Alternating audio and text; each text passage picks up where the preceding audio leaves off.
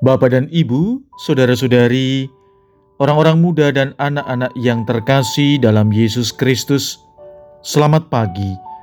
Salam bahagia dan salam seroja untuk kita semua. Berkah dalam. Bersama dengan saya, Romo Antonius Garbito Pambuaji menyampaikan salam dan berkat Allah yang Maha Kuasa. Dalam nama Bapa dan Putra dan Roh Kudus. Amin. Hari ini Rabu 6 Januari 2021 adalah hari biasa sesudah penampakan Tuhan. Bacaan pertama dalam liturgi hari ini diambil dari surat pertama Rasul Yohanes bab 4 ayat 11 sampai dengan 18. Bacaan Injil diambil dari Injil Markus bab 6 ayat 45 sampai dengan 52. Sesudah memberi makan 5000 orang, Yesus segera memerintahkan murid-muridnya naik ke perahu dan berangkat lebih dahulu ke seberang ke Betsaida. Sementara itu ia menyuruh orang banyak pulang. Setelah berpisah dari mereka, Yesus pergi ke bukit untuk berdoa. Ketika hari sudah malam, perahu itu sudah di tengah danau, sedang Yesus tinggal sendirian di darat. Ketika melihat betapa payahnya para murid mendayung karena angin sakal, maka kira-kira jam tiga malam Yesus datang kepada mereka berjalan di atas air, dan ia hendak melewati mereka. Ketika melihat dia berjalan di atas air, mereka mengira bahwa ia adalah hantu. Lalu mereka berteriak-teriak, sebab mereka semua melihatnya dan sangat terkejut. Tetapi segera Yesus berkata kepada mereka, "Tenanglah, Aku ini, jangan takut." Lalu Yesus naik ke perahu mendapatkan mereka, dan angin pun redalah. Mereka sangat tercengang dan bingung, sebab sesudah peristiwa roti itu mereka belum juga mengerti, dan hati mereka tetap degil. Demikianlah sabda Tuhan.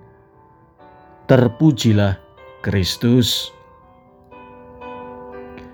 Saudara-saudari yang terkasih, Peristiwa dalam Injil yang kita dengarkan hari ini, menurut Injil Markus, terjadi sesudah mujizat lima roti dan dua ikan.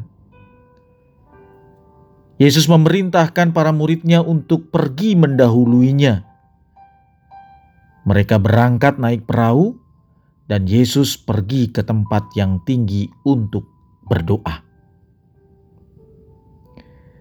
Kisah yang cukup kita kenal ini mau menampilkan kontradiksi antara angin sakal yang mengancam kehidupan para murid dan juga kehadiran Yesus yang membuat bukan hanya angin sakal menjadi tenang, tetapi para muridnya pun ikut menjadi damai. Kehadiran Yesus menenangkan. Saudara-saudari yang terkasih, kisah yang kita dengarkan hari ini mengajak kita untuk melihat dua hal. Dalam kehidupan kita, ada begitu banyak tantangan, ada begitu banyak hambatan, ada begitu banyak hal yang bisa jadi membuat kita seolah-olah hidup ini terasa berat seolah-olah menjadikan dunia ini sulit kita taklukkan. Apalagi dengan masa pandemi COVID-19 ini. Ada begitu banyak orang, bisa jadi kita termasuk di dalamnya, yang menjadi korban akibat pandemi ini.